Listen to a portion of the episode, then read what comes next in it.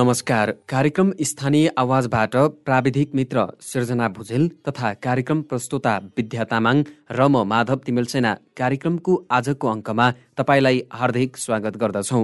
कार्यक्रम स्थानीय आवाज हरेक दिन ठिक साँझ साढे सात बजेदेखि आधा घण्टा प्रसारण हुन्छ।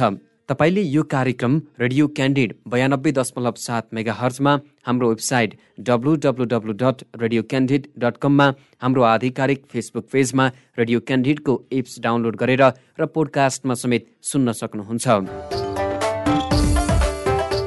आजको कार्यक्रममा हामी गौमूल गाउँपालिकाको चिनारी र गौमूल गाउँपालिकाका अध्यक्ष हरिबहादुर रोकाएसँग कुराकानी गर्दैछौँ। श्रोता गाउँमूल गाउँपालिका सुदूरपश्चिम प्रदेशको बाजुरा जिल्लामा अवस्थित छ। यस गाउँपालिकाको नाम धार्मिक तथा पर्यटकीय स्थल बुढीगंगा नदीको मुहानसँग जोडिएको छ। साबिकको दहकोट गाविस हुँदै बाजुरा र अछाम जिल्ला भएर बग्ने बुढी नन्दा नदीको मुहान साबिकको दहकोट गाविसमा रहेको जेठी बाहुरानी हिमालको फेदीबाट बग्दछ। सो मुहानबाट पानी निस्कदा गाईको मुखभित्रबाट निस्केको जस्तो देखिने आकृति भएकाले यस मूललाई गाईको मूल अर्थात् गौमूल भनिएको यो क्षेत्र पवित्र धार्मिक स्थलको रूपमा पनि प्रसिद्ध छ। बुढीगंगा नदीले हालको गौमूल गाउँपालिकाको प्राय धेरै जसो स्थानलाई आफ्नो बहाव क्षेत्र बनाएकाले सो धार्मिक तथा पर्यटकीय क्षेत्रको नामबाट यस गाउँपालिकाको नामाङ्करण भएको पाइन्छ। बाजुरा जिल्लामा रहेका नौवटा स्थानीय तह मध्ये गौमूल गाउँपालिका दुर्गम र भौगोलिक रूपमा विकट गाउँपालिका हो। यस गाउँपालिकाको सिमाना पूर्वमा बुढी नन्दा नगरपालिका पश्चिममा बझाङ जिल्ला उत्तरमा हिमाली गाउँपालिका र बझाङ जिल्ला र दक्षिणमा बढी मालिका नगरपालिका र छेडीदह गाउँपालिका गाउँपालिकासँग जोडिएको छ। यस गाउँपालिकाको अधिकांश भूभाग उच्च पहाडी र हिमाली क्षेत्रमा पर्दछ। यस गाउँपालिकाको अधिकांश क्षेत्र भिरालो तथा चट्टानी भूभागमा रहेको छ। यस गाउँपालिकामा वनजङ्गलले सडतिस प्रतिशत भूभाग ओगटेको छ। खाँसी भूभाग तेइस दशमलव नौ दुई प्रतिशत बुट्यान उन्नाइस प्रतिशत र बाँझो उजाड भूभागले पनि बाह्र दशमलव छ दुई प्रतिशत ओगटेको छ। आज हामीसँग यसै गाउँपालिकाका अध्यक्ष हरिबहादुर रोकाया हुनुहुन्छ। उहाँलाई सर्वप्रथम हामीले तपाईँको कार्यकालमा तपाईँको स्थानीय तहले पाएको सबैभन्दा महत्वपूर्ण उपलब्धि के हो भनेर सोधेका छौँ। हामीले सबै वडाहरूमा वडा कार्यालयहरू निर्माण गरिसक्यौँ। अनि त्यसै गरी स्वास्थ्य संस्थाहरू सामुदायिक स्वास्थ्य बसिङ सेन्टरहरू सबै वडाहरूमा र केही टाढा रहेका टोलहरूमा पनि हामीले निर्माण गरेर त्यहाँ स्वास्थ्य संस्थाहरू स्थापना गरेका छौँ।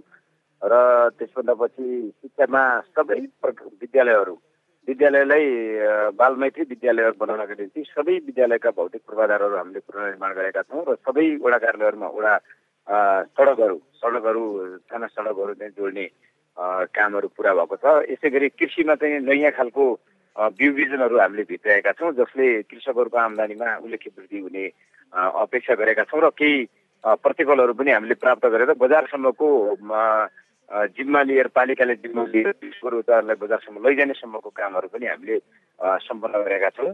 र त्यसै गरी सबै गाउँ टोलहरूमा चाहिँ रोजगारी सिर्जनाहरू चाहिँ हामीले गरेका छौँ।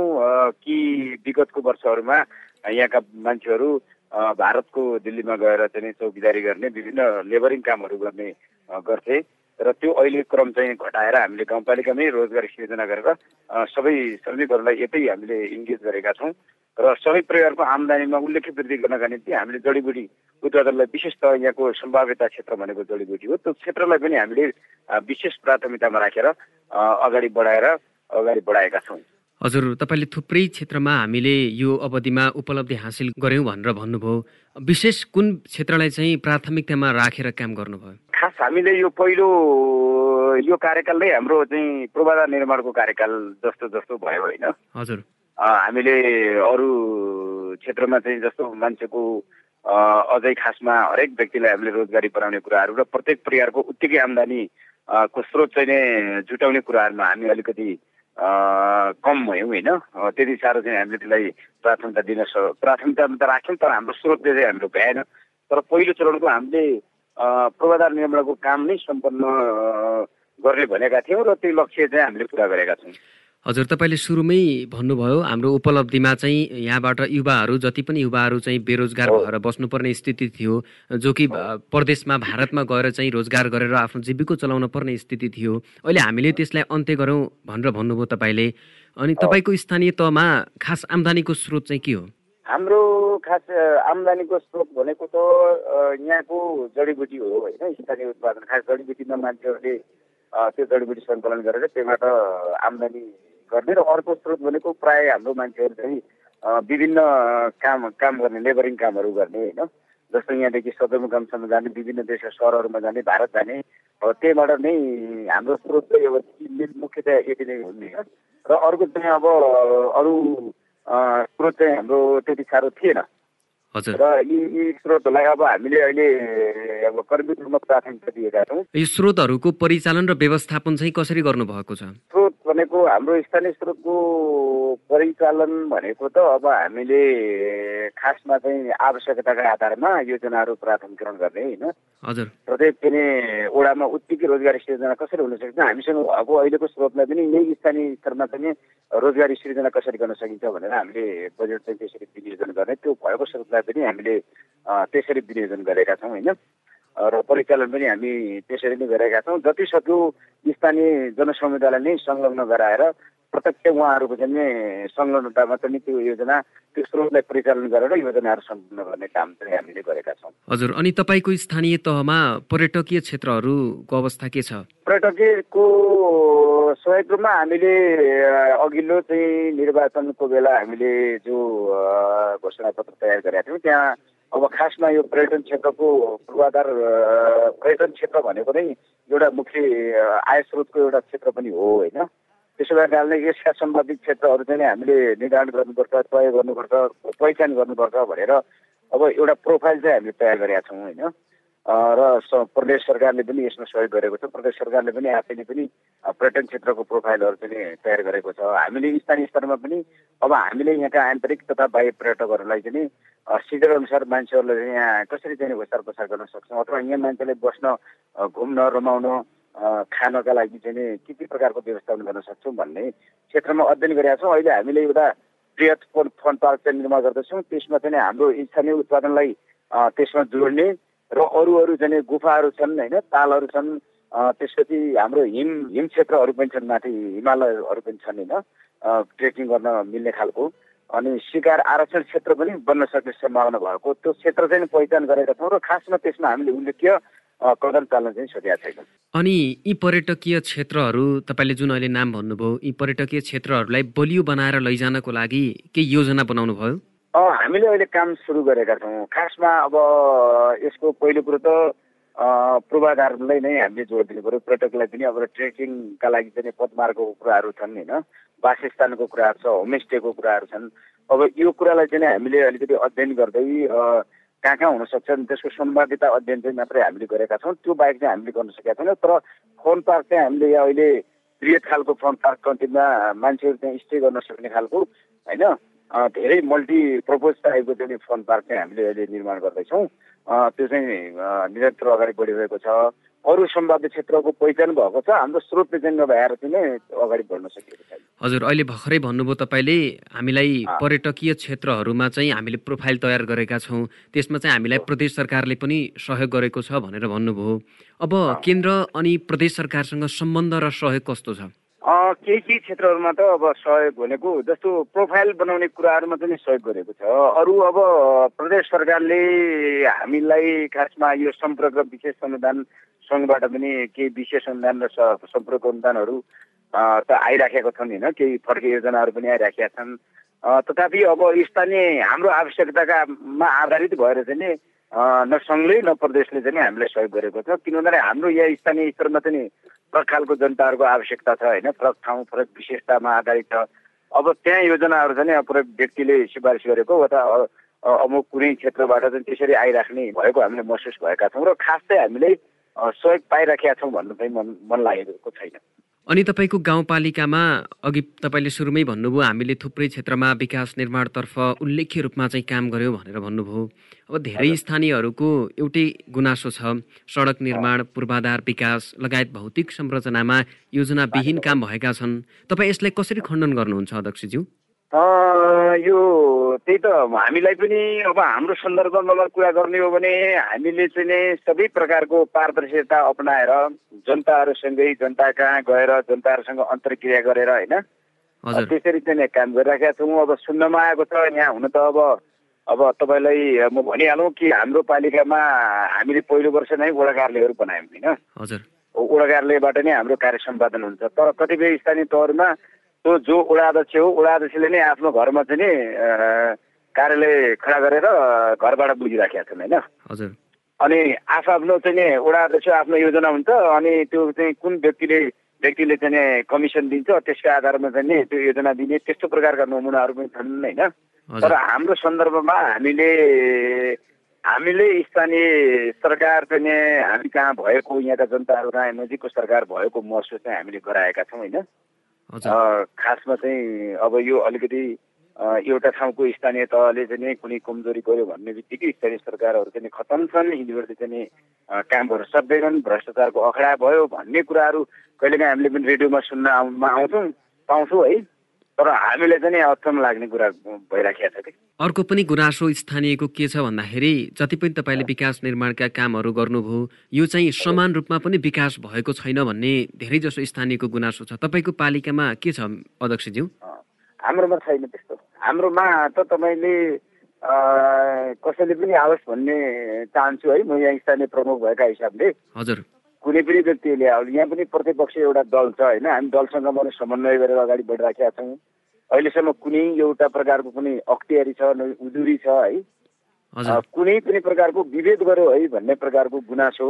अह त्यस्तो कुनै पनि प्रकारको चाहिँ छैन। त्यस कारणले यतातिर चाहिँ हामीलाई त्यो सुन्नुभएको कारणले अब त्यस्तो हामीले त्यस्तो महसुस चाहिँ भएको छैन। भनेपछि तपाईँको कार्यकालमा तपाईँले चाहिँ थुप्रै क्षेत्रमा चाहिँ उल्लेख्य रूपमा चाहिँ विकास गर्नुभयो तर तपाईँको पालिकाको स्थानीयवासी पनि तपाईँको पालिकाले दिने सेवाबाट एकदम सन्तुष्ट छ।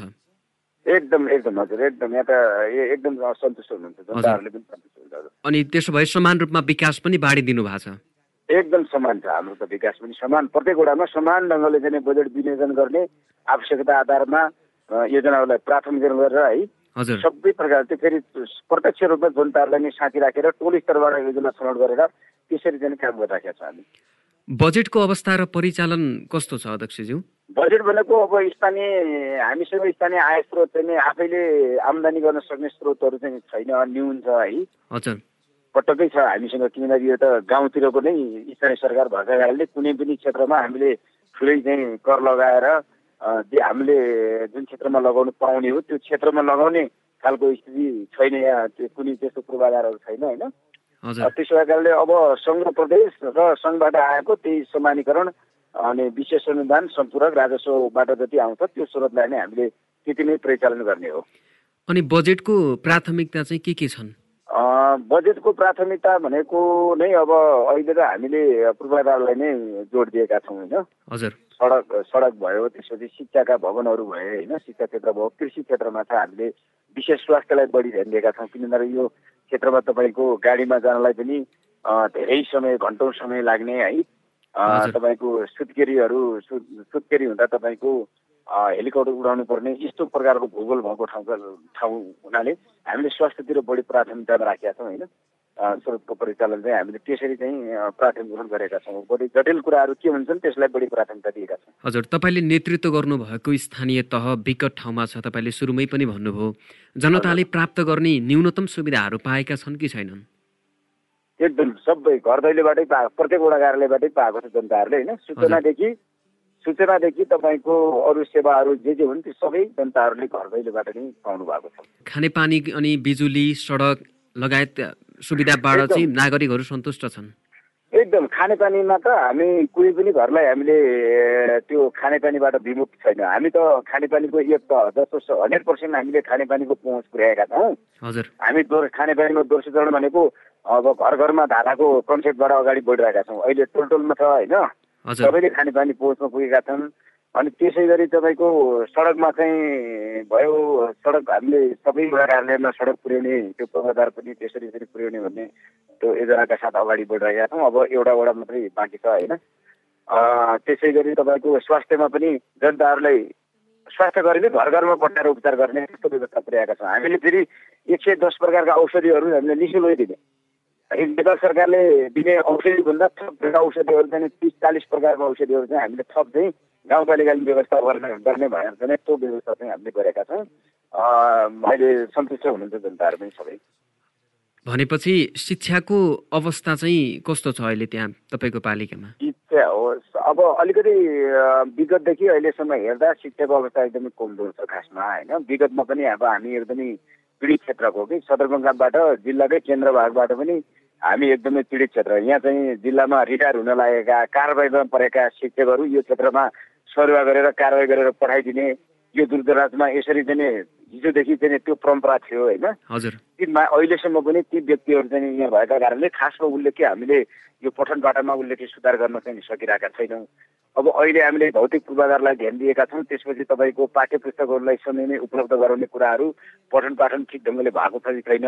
अहिले एडजस्टिङ जे शिक्षकहरूसँग सिप र क्षमता छ त्यसलाई पनि प्रयोग गर्ने कुराको हामीले अधिकतम चाहिँ प्रयास गरिरहेका छौँ तर हामी अबको नेक्स्ट इयर अबको नेक्स्ट प्लान भनेको हामी शैक्षिक क्षेत्रको परिवर्तनका लागि एकदमै आक्रामक रूपमा चाहिँ लाग्ने प्लान चाहिँ बनाएका छौँ।